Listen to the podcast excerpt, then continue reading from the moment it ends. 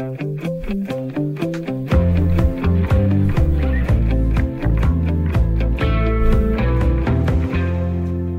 virksomheder som Adidas, Nike, Puma, Carlsberg, Arla og Mærsk har allerede for måneder siden sagt farvel til Rusland eller er i gang med at forlade landet. Tilbage står en virksomhed som Eko, der har fået meget kritik for at holde deres forretninger i Rusland åbne. Og nu er den danske skovirksomhed så også begyndt at reklamere derover for at tiltrække endnu flere kunder. Berlingske har været inde i nogle storcentre og kan konstatere, at Eko lyser op på store bannerreklamer i Rusland. I løbet af den kommende times tid skal vi tale om, hvad det er, der får Eko til at lave det her reklamefremstød, om det er i orden i en tid, hvor Vesten tager afstand fra Rusland og indfører sanktioner på grund af krigen i Ukraine. Du lytter til Erhvervsmagasinet Selskabet på Radio 4. Jeg hedder Stine Lynghardt, og ved siden af mig står erhvervskommentator Jens Christian Hansen. Hej Jens Christian. Hej. Hvis vi kigger på tiden før Rusland invaderede Ukraine, hvad var så dit forhold til den her klassiske danske sko, som blev skabt tilbage i 1963? ja, men altså tilbage i 60'erne og 70'erne, der var det jo øh, det fodformede, sådan andefødder og det gammeldags, det sunde, ja, det var meget sundt, men det var altså ikke smart. Uh, så hvis du gik med, med, med, med Eko, så var du sådan, det var ikke, det var ikke, det var ikke hipt. Men så skiftede de ligesom, og jeg tror faktisk, der i 70'erne og 80'erne, og altså, okay, Eko, de er på vej ud. Så fik de jo skabt øh, en ny, øh, nogle nye kollektioner, de kom ud i verden, de fik nye designere, og de øh, øh, udviklede sig til at, og, øh, at skabe nye sko, øh, støvler, og de kom ind på golfmarkedet med nogle øh, super kvalitetsvarer. Øh, øh så det gav jo dem et boom at have han i nullerne. Uh, så det står som en øh, stor dansk øh, kvalitetsvirksomhed i dag som jo altså så er i lidt modvind nu. Det må, må man sige. sige. Vi skal høre mere om både dit og resten af vores panel forhold til Eko her anno 2022 i dagens program. Og så skal vi også tale om den vinterhjælp, politikerne har besluttet at give til danskerne, så de bedre kan klare sig igennem en vinter med dyrere el og gas. For er det egentlig en god idé at give den her økonomiske håndsrækning til borgere og virksomheder i en tid, hvor vi også gerne vil have, at vi alle sammen holder lidt igen for at få bugt med de stigende priser? Og hvor langt rækker hjælpen egentlig, når det kommer til stykket? Det spørger jeg vores erhvervspanel om lidt senere. Udover Jens Christian består det i dag af Louise Mogensen. Hej Louise. Hej hej. Du er direktør i Forenet Kredit, og ved siden af dig står Simon Kvistgaard. Hej Simon. Hej hej. Du er iværksætter og bestyrelsesmedlem du vil gerne øh, spørge vores gæster om noget allerede, eller hvad? Jamen, jeg tænker jo lige spørge... Øh, øh, altså, forenet kredit, kan du ikke lige forklare lidt om det? Fordi jeg tror altså ikke mange, der ved, hvad forenet kredit er. De er faktisk ret store, og de sponsorer jo landshold i fodbold. Er det ikke rigtigt? Jo, ja. det er Nu har vi vundet, altså det var stort set jer, der vandt ind i parken den anden dag, og nu skal du jo til, gå ud fra til Katar og sidde og nyde det dernede i en måned, ikke? ah, vi kommer ikke til at være synlige i Katar, men det er rigtigt, vi er meget stolte sponsorer af øh, ikke bare herrelandsholdet, men også kvindelandsholdet og dansk fodbold i det hele taget. Så vi er aktive, og det er jo blandt andet, fordi der er ikke så mange, der ved, hvem Forenet Kredit er. Så jeg skynder mig lige at sige, at Forenet Kredit er den forening, som ejer Nykredit og Totalkredit. Og man kan blive medlem af foreningen, hvis man er kunde i Nykredit eller Totalkredit. Så okay. alle kunder, ja, men det er jo en uh, halvstor bæks, uh, hun er chef for. Det er sådan set, uh, hvad har I op mod en million uh, kunder? Ja, eller, det er korrekt. Uh, I totalkredit, uh, i Nykredit Bank, og i Nykredit og hele den der kæmpe store koncern, så, så, så det er rimelig stort, det der. Så fik du svar på dit spørgsmål, Jens Christian. Det var godt. Velkommen til selskabet til jer alle tre. Og lad os lige starte med at runde et par erhvervsnyheder her fra ugens løb. Jens Christian, hvad følger du særligt med i? Altså, jeg synes, den der lækage på øh, den der gasrørledning øh, øh Nord Stream 1 og 2, altså de er begge to er jo ikke i brug endnu. Øh, men så vidt jeg kan forstå, så er det gas ind i den af en eller anden mærkelig årsag. Men det korte og lange, det er jo, at der er sket tre lækager, blandt andet øh, nede ved Duerøde i Bornholm. Og øh, det hele er jo lidt nyt endnu. Øh, det skete jo her i weekenden, tror jeg. Var det ikke sådan, det var? Uh, og nu altså, jeg tror, inden vi lige snakker videre, så skal vi lige sige, at det her program, det er jo faktisk optaget tirsdag, og vi sender om onsdagen. Så det her program, det er optaget meget. tirsdag eftermiddag, så der kan nå at ske rigtig meget, fordi det er en nyhed, der lige er kommet. Men hvad er det, du særligt bider mærke i, at der er den her lækage, som jamen, nu er blevet opdaget, flere lækager? Jamen, jeg kan forstå på, på mange kloge hoveder og politikere, at øh, nogen siger, at det er sabotage. Det er også mystisk. Det kunne lige komme tre lækager sådan lige inden for en meget, meget, meget, meget kort tid. Og så er det store stort spørgsmål. Hvem har mest ud af en sabotage? Altså, vi vil jo helst tro, at det er russerne, fordi dem kan vi ikke lide. Uh, men kunne man forestille sig, at det er Øh, os selv amerikanere, englænder eller hvem, der laver sabotage for ligesom at lukke den linje, og ikke, nu spekulerer jeg lidt, men det er det en masse, det gør i den der verden, øh, for ligesom at sige, okay, så lukker vi, eller så bliver simpelthen den lukket på grund af sabotagen, på grund af faren. Altså, der er mange ting i spil her. Der er store penge øh, involveret. Det er jo den, lidt forenklet sagt, der finansierer øh, Putins øh, krig i Ukraine. Og der skal jo helt sikkert nok komme flere oplysninger frem omkring det her. Øhm, men i forhold til, til gas, altså så er der jo lige nu lukket af. Altså vi får vel ikke noget. Der er ikke på den måde, at det påvirker os i forhold jo, jo. til vores øh, energiforsyning, eller hvordan skal jeg Nej, nu er det så lige øh, lukket ned, for den skulle repareres, så ellers får vi jo noget. Altså det er jo sådan set, er det ikke noget med 3 milliarder kroner om dagen øh, fra hele Europa, øh, Putin får. Så det er, det er big business, det der. Øh, altså, nu skal vi måske snakke om, om, øh, om, øh, om øh, sanktioner og alt sådan nogle ting før, men, men, men lige præcis på energiområdet, der er, har vi jo i Europa brug for gas, vi har brug for olie, vi har bare brug for energi i det hele taget, så der, har vi jo, der køber vi jo af Putin. Det er altså helt sikkert en, en sag, vi, vi holder øje med. Ja, den er kompliceret, men vi skal vi følger øje med den selvfølgelig også her i vores program. Louise, hvad er du særligt optaget af efter tiden? Jamen, jeg kan ikke lade være med at sidde og kigge lidt på boligmarkedet jo, øh, og øh, har bemærket, at der kommer nye opdaterede prognoser, som desværre ser dystre ud. Altså at de her højere renter, som vi ser, også kommer til at sætte sig i faldende boligpriser. Senest var Nationalbanken ude og forvente et fald øh, på 6 procent, og øh, øh, Nykredit har senest også været ude her og sige, at de i København forventer op til 9-10 procents fald. Så det ser altså lidt dystert ud, og vi kommer til at mærke det på boligmarkedet. Der er helt klart tegn på afmatning nu. Er det, er det øh, fald om året? Eller er ja, det, på årsbasis. Nå, på årsbasis. Og hvad så i, fire, i 23-24? Ja, der ser det desværre også ud til, at det vil falde, men, men dog ikke i samme takt. Altså, der forventer man, at det stabiliserer sig lidt, men også fald. Så vi kan godt se et, et prisfald på boliger på op mod 20 procent over de næste par år? Ja, det tror jeg desværre ikke, vi kan udelukke. Det tænker du også kunne være realistisk, at de kan falde så meget? Ja, det kan vi ikke udelukke. Det er meget dystert, det vi ser ind i, og øh, altså det, det, det får en, en stor betydning for købekraften også i forhold til, hvad kan man købe bolig for, øh, når renterne er steget så meget, som de er, og inflationen er steget så meget, som den er. Altså det er, det er virkelig dyrt øh, at købe bolig i øjeblikket. Hvad tænker du egentlig, hvad skal man gøre, hvis man står lige nu og enten skal sælge eller skal købe bolig? Hvilke tanker skal man gøre sig i den situation? Jamen altså generelt opfordrer vi jo til, at man gør det ud fra behov. Altså man må aldrig spekulere i, hvornår tidspunktet er det øh, gode. Altså man skal købe efter behov og sælge efter behov. Øh, jeg tror ikke, der er nogen, der rigtig kan ramme rigtigt i forhold til, øh, øh, hvornår de præcis, men det, det, der er det bedste tidspunkt at gå ind og ud af. Øh, jeg kender mange dygtige økonomer, der har ramt enten bunden eller toppen, når de troede, det var et godt tidspunkt. Så det, altså, jeg vil sige, øh, man må købe og sælge efter behov. Men er, Sådan det, er det jo. Er det købers eller sælgers marked lige nu? Fordi det har jo øh, længe været køber købers? Ja, det er helt sikkert sælgers. Ja, lige præcis. Sælgers. Det er, altså lige nu, der tror jeg, det altså vi ser en, en afmatning, ikke? det vil sige, at det bliver sværere at sælge. Øh, køberne har bedre mulighed for at forhandle og, og få afslag i prisen.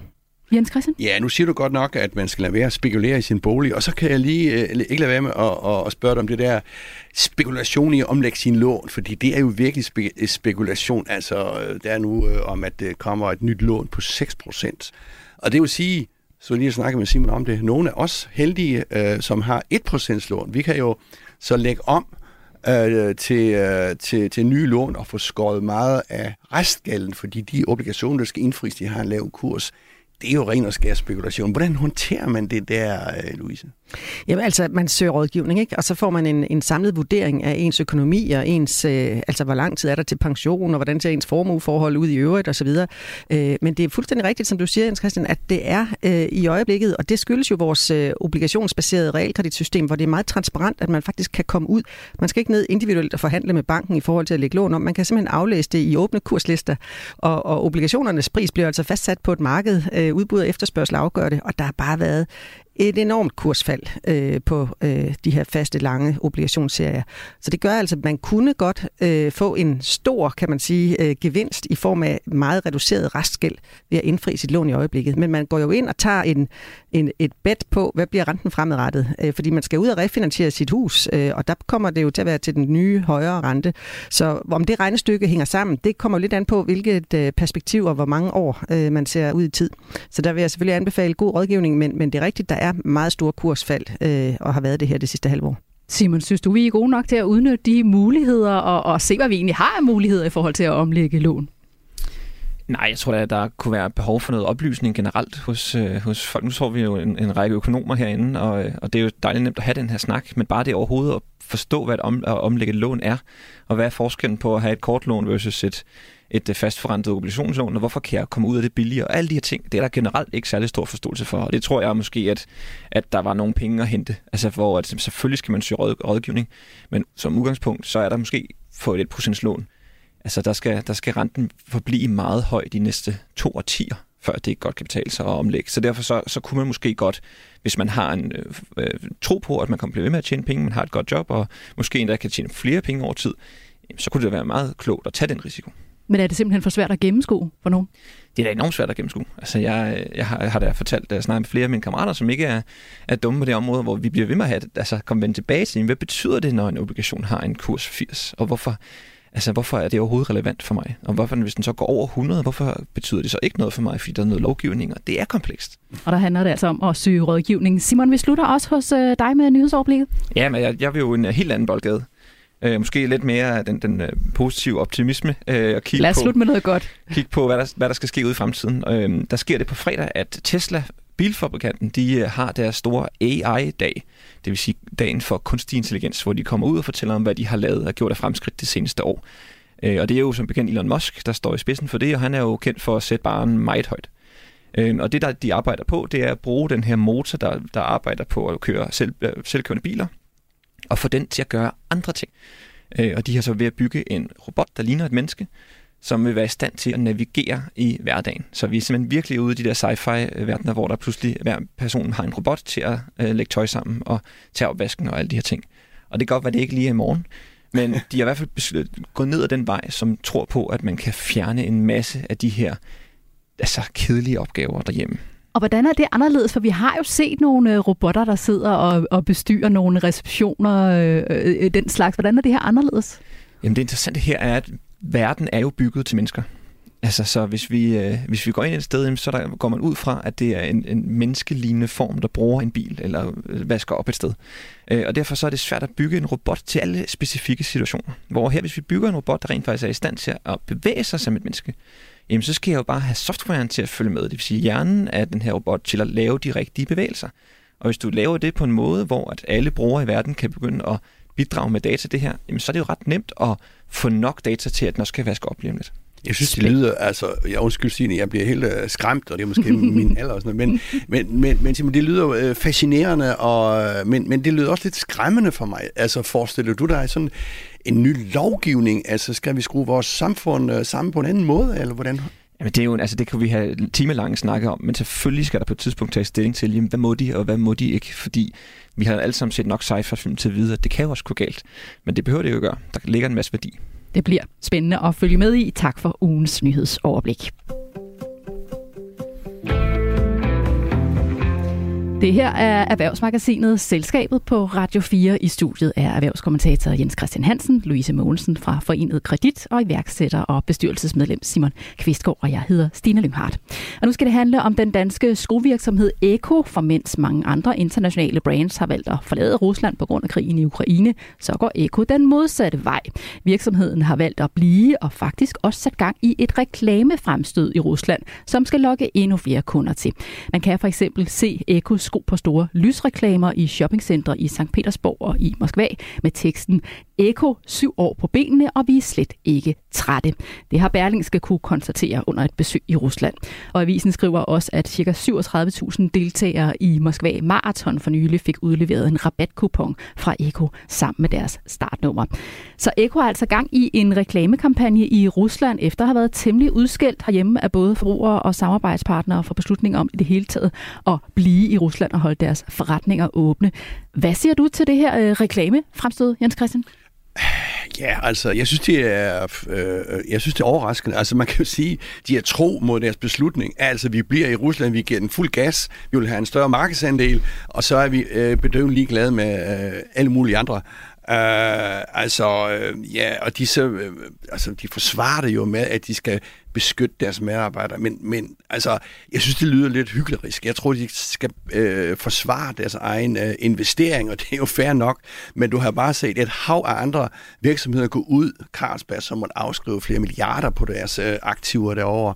Øh, altså, man kan jo sige, den kyniske betragtning her, det er krig øh, i Ukraine i hvert fald, og vi er i vi er ikke i krig med, med Rusland, men vi er sådan vel halvvejs. Øh, så det er nogle kæmpe store beslutninger, der skal tages, og et, et, et hav, som du nævner, af virksomheder har jo taget det der samfundsansvar, som jeg ikke synes, at Eko har taget.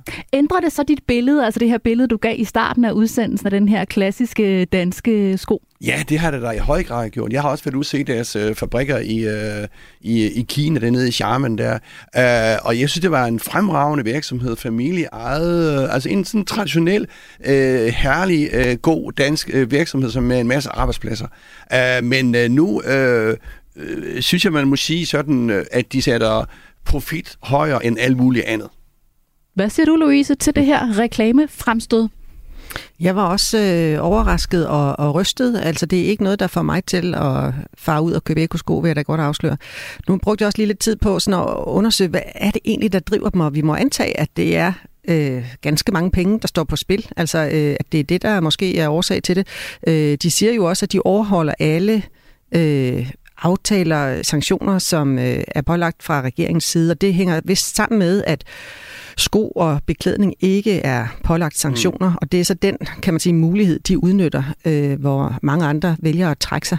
Øh, så jeg tror ikke, de som sådan gør noget ulovligt øh, ved at være så aktive, men den her øh, fornemmelse af, at de er meget kyniske i forhold til indtjening og, og lidt glemmer, at vi har at gøre med et land, hvis ledere truer med atomvåben. Ikke? Altså, øh, vi er øh, ude her i noget, hvor man sådan tænker, hmm, altså almindelig anstændighed øh, i forhold til at have reklame fremstået samtidig. Jeg var meget overrasket over at se det, altså øh, det må jeg sige. Men hvad synes du forskellen er på, at vi nu hører, at de reklamerer, og de ligesom har delt de her rabatkuponger ud, i forhold til, at de jo allerede havde taget beslutningen om at gå imod strømmen og blive og holde deres butikker åbne i Rusland?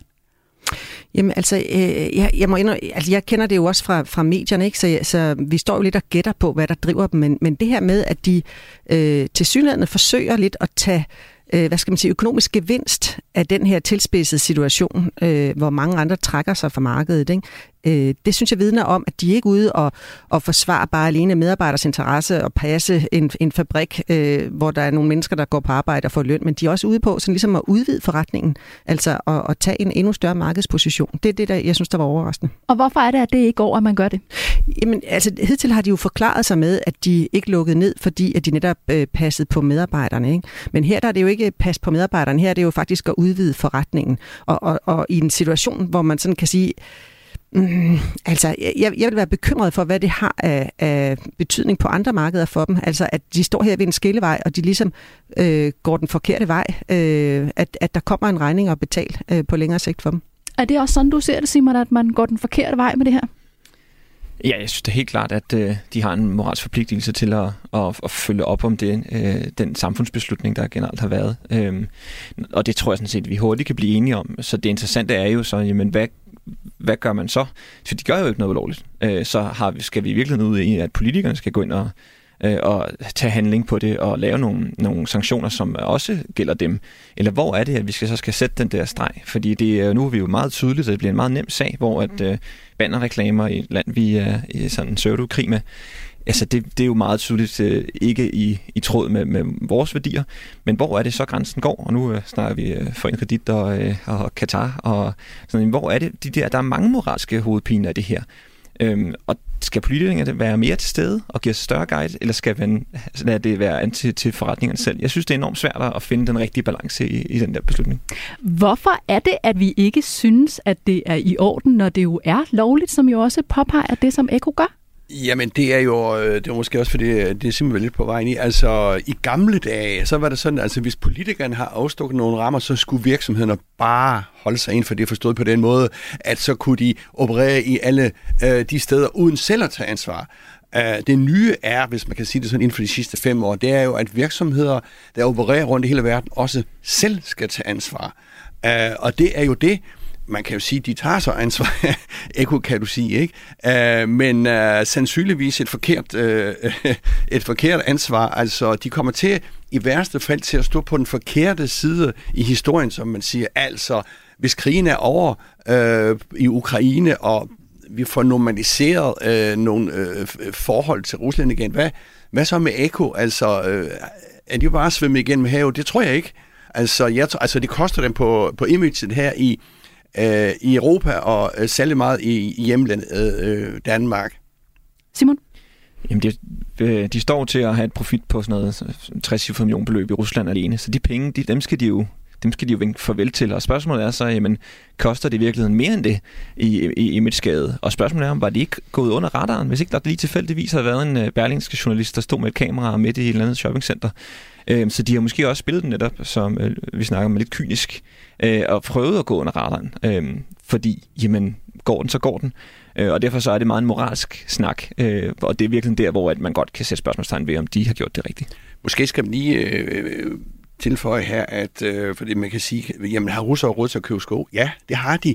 Altså hvis jeg har forstået det ret, øh, så har russerne stadigvæk masser af penge til at købe sko. Og så skal man måske huske, at lige for Eko, ikke for at forsvare det, men for at forklare det, er, har et meget stort marked i Asien, og jeg tror ikke, at det asiatiske marked har samme kritiske forhold til krigen i Ukraine, øh, som vi har i Europa. Øh, så det kan også være, at det er nu, de spekulerer i det, at øh, okay, jamen øh, vores øh, big business, den er altså andre steder end, øh, end øh, i Europa i Danmark. Altså er Rusland og, og Asien et vigtigere marked for Eko end, øh, end Europa og, og resten af Vesten, som jeg synes, det er en dårlig idé? Ja, det, det, vil jeg, det vil jeg næsten tro. Altså nu omsætter det for omkring en milliard i Rusland, og det er kraftigt stigende, og, og så omsætter de for rigtig meget i Asien, og de omsætter også for noget i USA. Ikke? Men, men, øh, men jeg tror, vi skal se, hvis de skal se rent økonomisk på det, så tror jeg, at det russiske og asiatisk, eller de markeder, som ikke interesserer sig meget, så meget for krigen i Ukraine, er, er ret store øh, i forhold til... Øh. Men det interessante her er jo,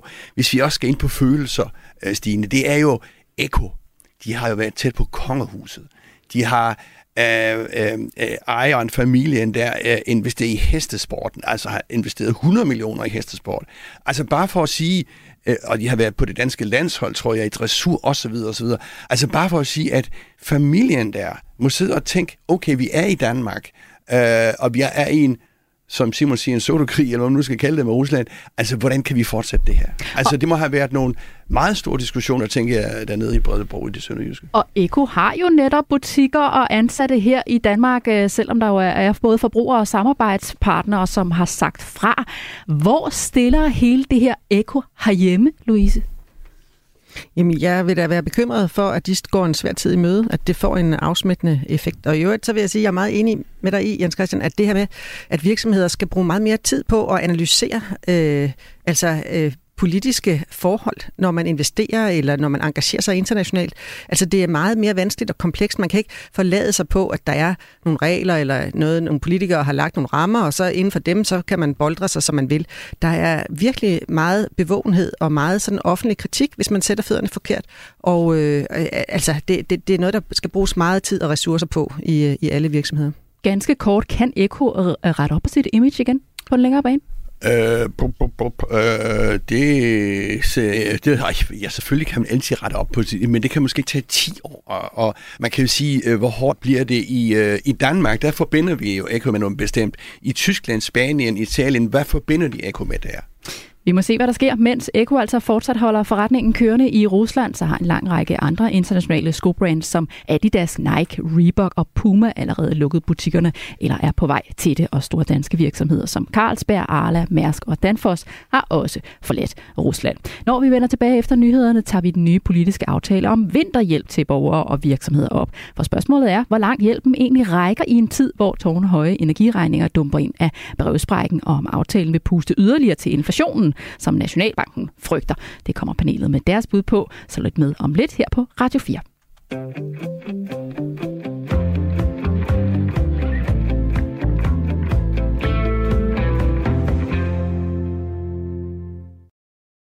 thank you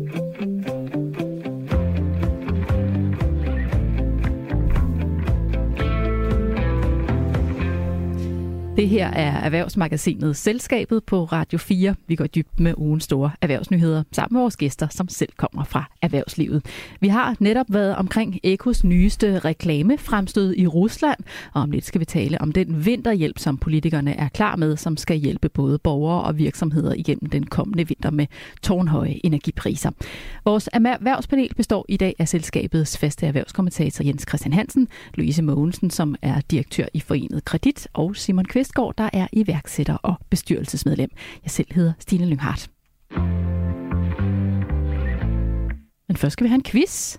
Vi skal se, hvor godt I har fulgt med i ugens erhvervsnyheder. I er som altid delt op i to hold. Gæsterne spiller sammen mod erhvervskommentatoren, så Louise og Simon er altså på hold sammen, og I har mulighed for at tale med hinanden, inden I svarer. Og lige nu ligger gæsterne lunt i svinget. Stillingen er nemlig 5-3 til gæsterne. Nu skal I høre. Der er jo masser af ting, vi danskere er rigtig gode og dygtige til. For eksempel digitalisering. Men når det kommer til at passe på vores digitale oplysninger, er vi knap så gode. Faktisk er vi ret elendige til at lave passwords. Er det noget, der lyder bekendt hos jer? Ja. Der bliver nikket og sagt ja her omkring. Og Simon, har du øh, hundens øh, navn på øh, computeren? Ja, men efter at have haft en, en IT-forretning, så endte vi med at bruge sådan nogle password managers, der hjælper os med det, fordi alle er dårlige til det. Ja, så er det pludselig nogle rigtig komplicerede, nogen I kunne ja, lave præcis. med den. Ja. Men prøv at høre, ja, I er jo ikke de eneste, fordi mange af os laver nemlig passwords, som er nemme at huske, som for eksempel navnet på et familiemedlem, venner eller vores kæledyr. Eller hvis vi skal lave et password på minimum 8 tegn, så er det oftest kun på lige akkurat 8 tegn. Og ifølge Center for Cybersikkerhed er vi også slemme til at genbruge vores passwords forskellige steder. Og den slags kodeord er nemmere at knække for hackerne end de unikke, lange og komplicerede passwords.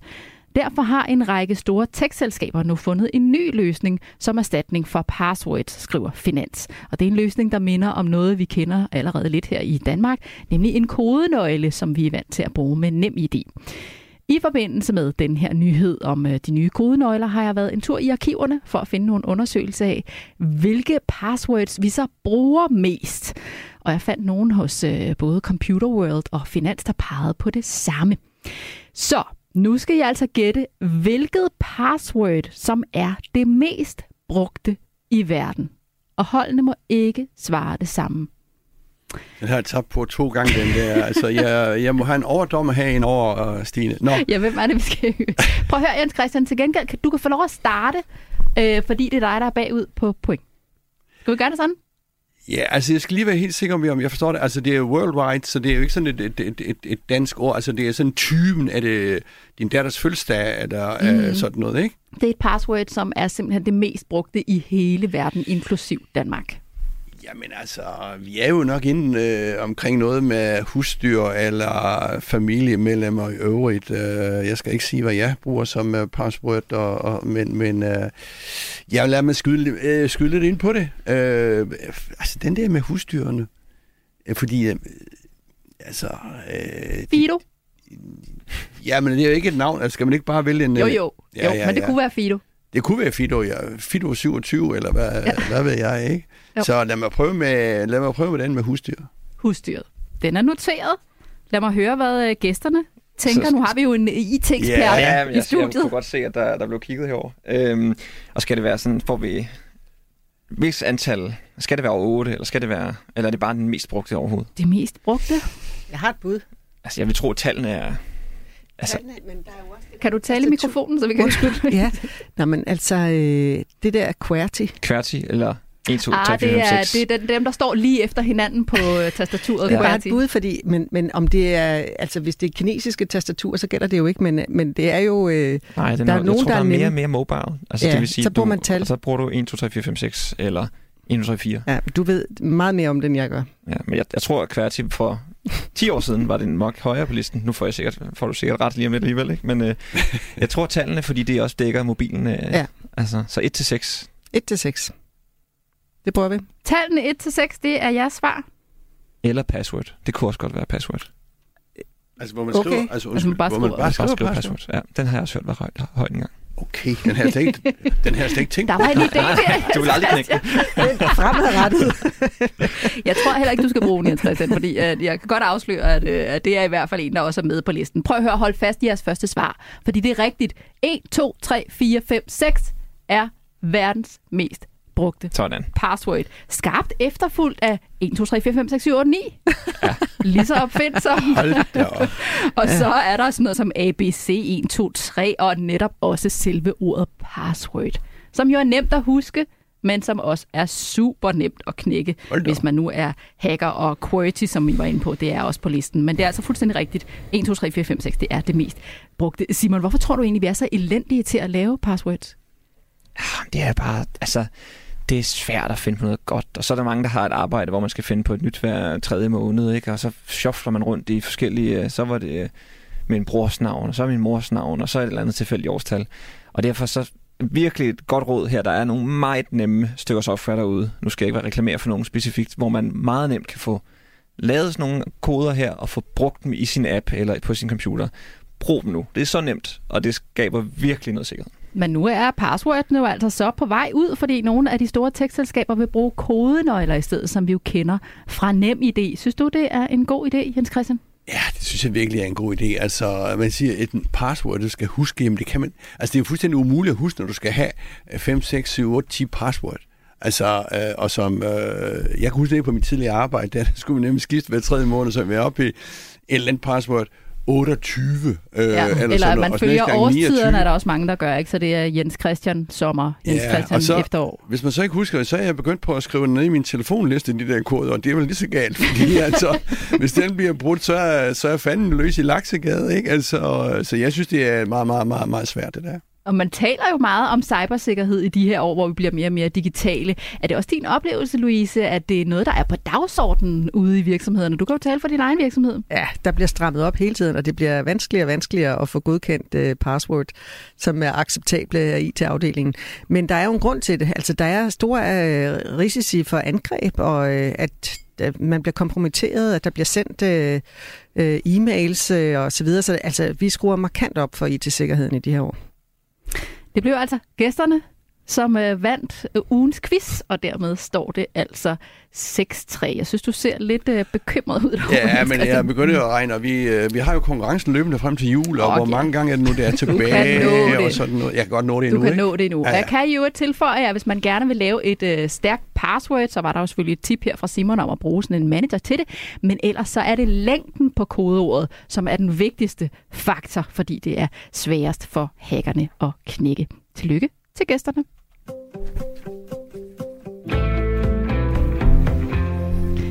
De stod tæt skulder ved skulder for at kunne være der alle sammen foran Finansministeriet, da politikerne fredag præsenterede en ny aftale om vinterhjælp til danskerne. Det er nemlig et bredt politisk flertal, der har besluttet at give en økonomisk håndsrækning til både borgere og virksomheder for at hjælpe dem med at betale de galopperende energiregninger. Helt konkret er der et engangstilskud på vej til børnefamilierne i januar på 660 kroner per barn. Elafgiften sænkes markant, og både husholdninger og virksomheder får mulighed for at indefryse en del af deres energiregninger, som så skal betales tilbage over en årrække.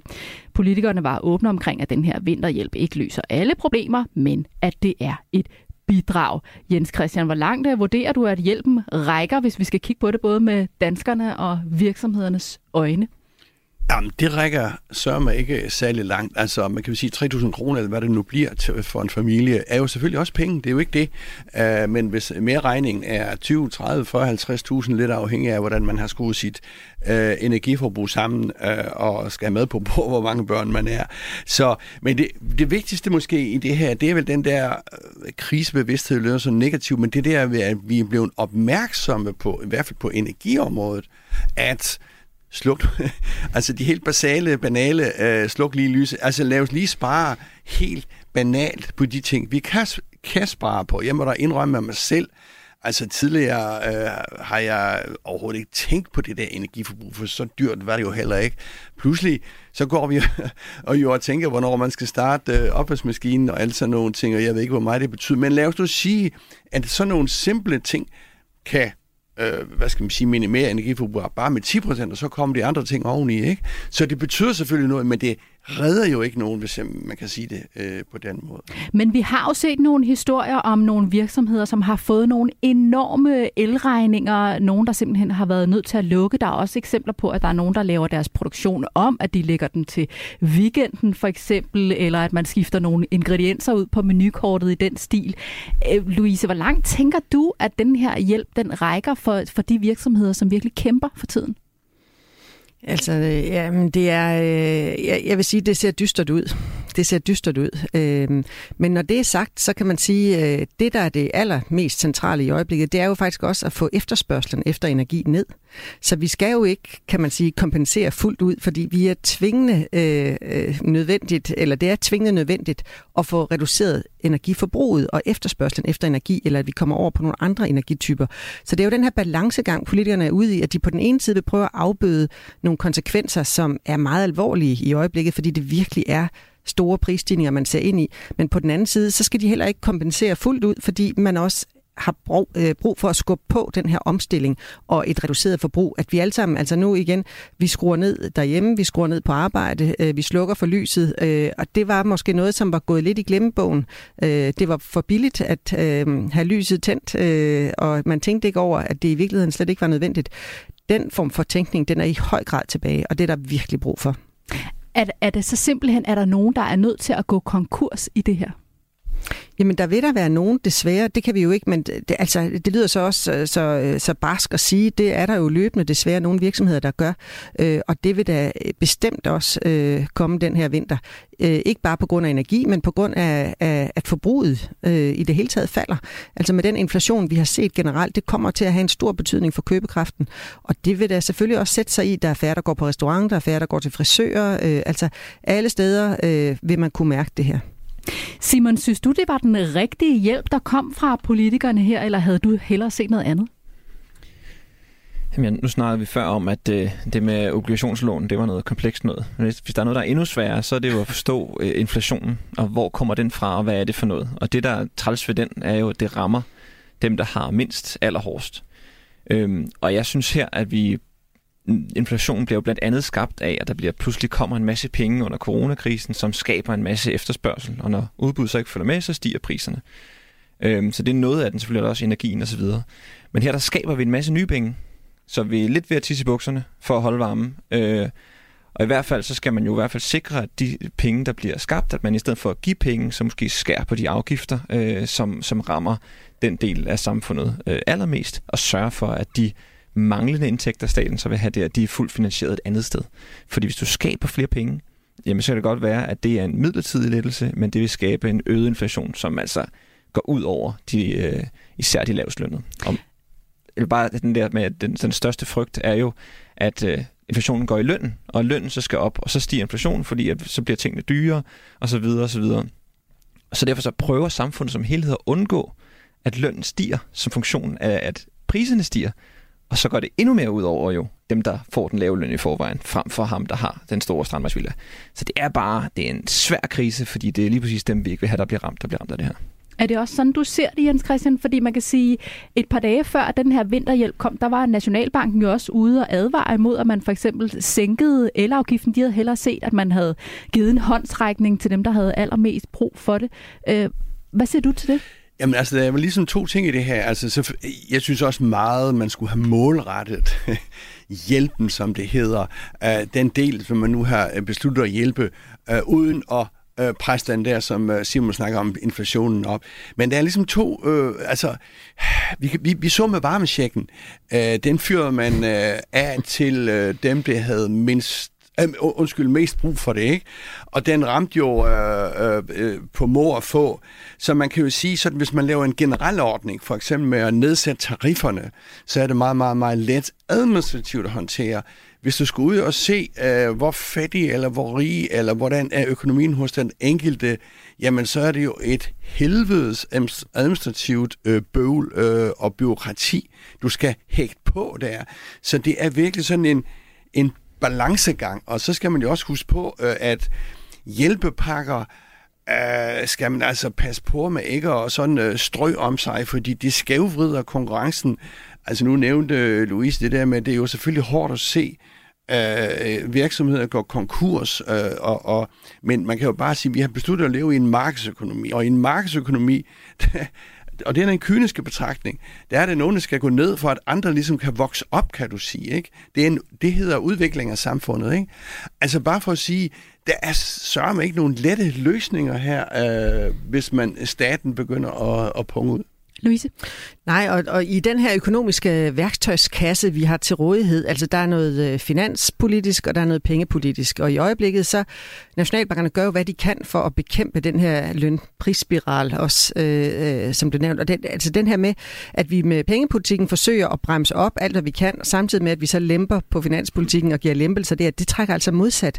Så hvis vi gerne vil lykkes som samfund med at komme ud af den her forfærdelige knibe, vi står i med alle de her stigende priser, altså så skal vi reducere efterspørgselen, både efter energi og generelt, fordi der har været en overophedning faktisk af dansk økonomi efter pandemien. Og det betyder også, at altså, lige i øjeblikket, gudskelov, vi, vi står i en relativt stærk situation. Vi har øh, tæt på fuld beskæftigelse og lav ledighed, så vi er, vi er rustet. Det er jo ikke en økonomisk krise, vi står i lige nu, men det kan den udvikle sig til, hvis ikke vi i tide får korrigeret.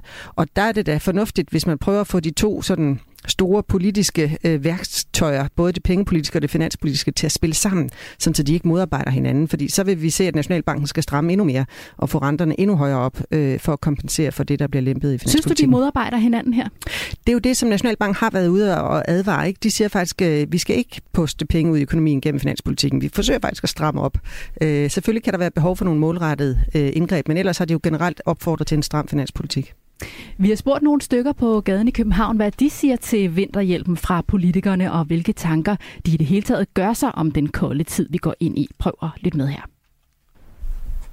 Bekymrer du dig om den kommende vinter og dine energiregninger? Nej, egentlig ikke. Jeg lægger penge til side. Ja, det gør jeg. Jeg synes, at øh, priserne er steget voldsomt, øh, og det er svært at finde ud af, om der overhovedet er noget loft på det, eller ej. Nej, jeg er ikke rigtig bekymret. Ja, både og, det gør jeg. Men jeg er mest bekymret på andres vegne. Kan du måske blive bekymret for dit job, hvis vi alle sammen holder lidt mere igen, og virksomheder bliver nødt til at afskedige folk?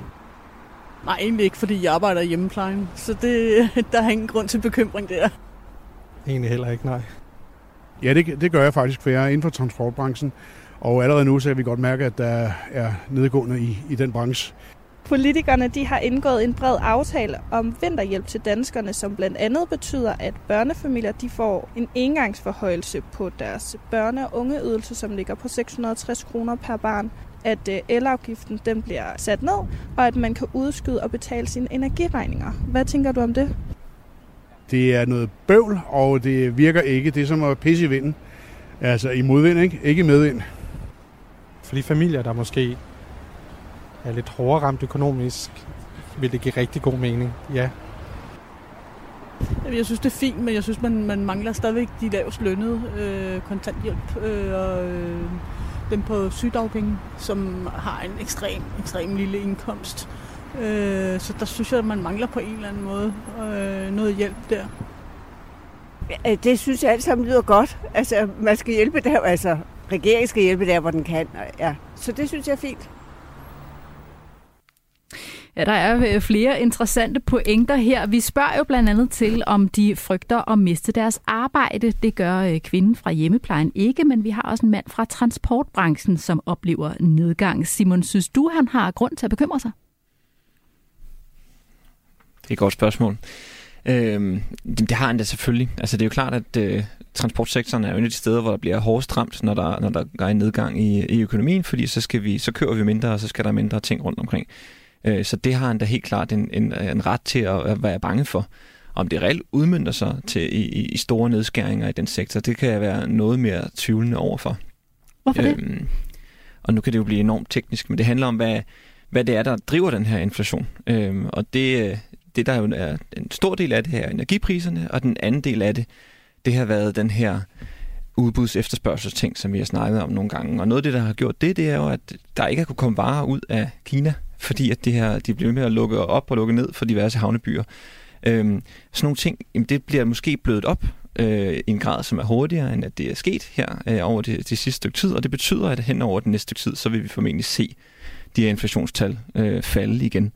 Og, øh, og så tror jeg, jeg tror ikke, at vi står foran en, en stor recession. Jeg tror, at, det, at vi lander blødt, som, øh, som de snakker om, at det skal lykkes, og jeg tror, at øh, den danske økonomi er ret velpolstret til at, at, at, at klare sådan nogle udfordringer her. Altså, så du tænker, at det kan godt være, at vi kommer til at se fortsat nogle stigende energipriser, men det kan godt være, at de andre priser begynder at falde, eller hvordan ser du det? Ja, præcis, og så tror jeg også, at energipriserne øh, begynder at falde igen. Det er klart, at det, vi ved ikke, hvad vi går imod her til vinter, og det kan jo det kan være, være alting, men på den anden side af det, der er jo bare gang i en, en, en, en kæmpe stor grøn omstilling, der er, man, man tager sig nogle, nogle valg, som er tunget ud i nu, men som har en stor positiv effekt på, hvad det er for en, øh, en energieffektivitet, vi har. Og, og det tror jeg simpelthen hen over de næste år, øh, eller to år, så vil vi se, hvordan, hvordan det virkelig slår igennem, og inflationen falder hurtigere tilbage, end, end mange frygter. Men øh, nu har jeg jo... Øh, nu har jeg jo økonomer og, og en, en, en kapacitet stående her ved siden af mig, som måske kan, kan sige et par ord om det. Er du enig i den analyse, Louise? Øh, Jamen, jeg har deler samme forhåbning. Jeg deler samme forhåbning om, at vi undgår en lønprisspiral, og at det faktisk er noget, som øh, vi får reageret på i tide, og at vi kommer igennem inden for et års tid. Altså, det, det er øh, sandsynligt, at vi får lagt en dæmper på efterspørgselen med de her prisstigninger, der har været nu, og at folk holder lidt igen, og det så også øh, vil føre til, at vi... Øh, øh, kommer tilbage til noget mere normalt. Jeg tror stadigvæk, renterne vil være høje, så der vil stadigvæk være, kan man sige, en, en, øh, en dæmper på forbruget, i hvert fald et års tid endnu, øh, fordi der vil være behov for at stramme, men, men altså, øh, jeg håber og tror også, at det er noget, der er kan man sige, overstået i løbet af et år eller to. Men Louise, vi ser jo også allerede, at der er nogle virksomheder, som øh, øh fremrykker deres lønregulering. Det har Novo Nordisk gjort. Øh, Lego har fået en lønstigning, deres ansatte på 3,5 procent fra 1. oktober.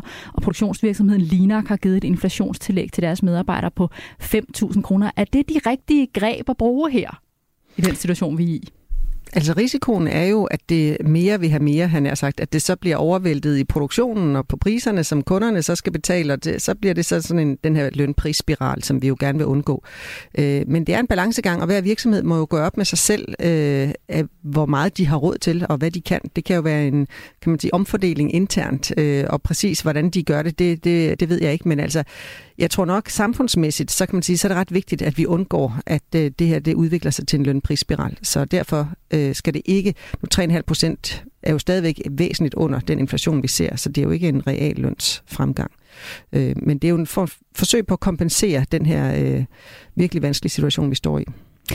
Jens Christian, hvad er egentlig det værste, der kan ske, når vi kigger ind i vinteren? Altså nu nævnte Simon det her ord recession, som der også er flere, der har været ude og udtrykke bekymring for, om vi er på vej ind i en recession.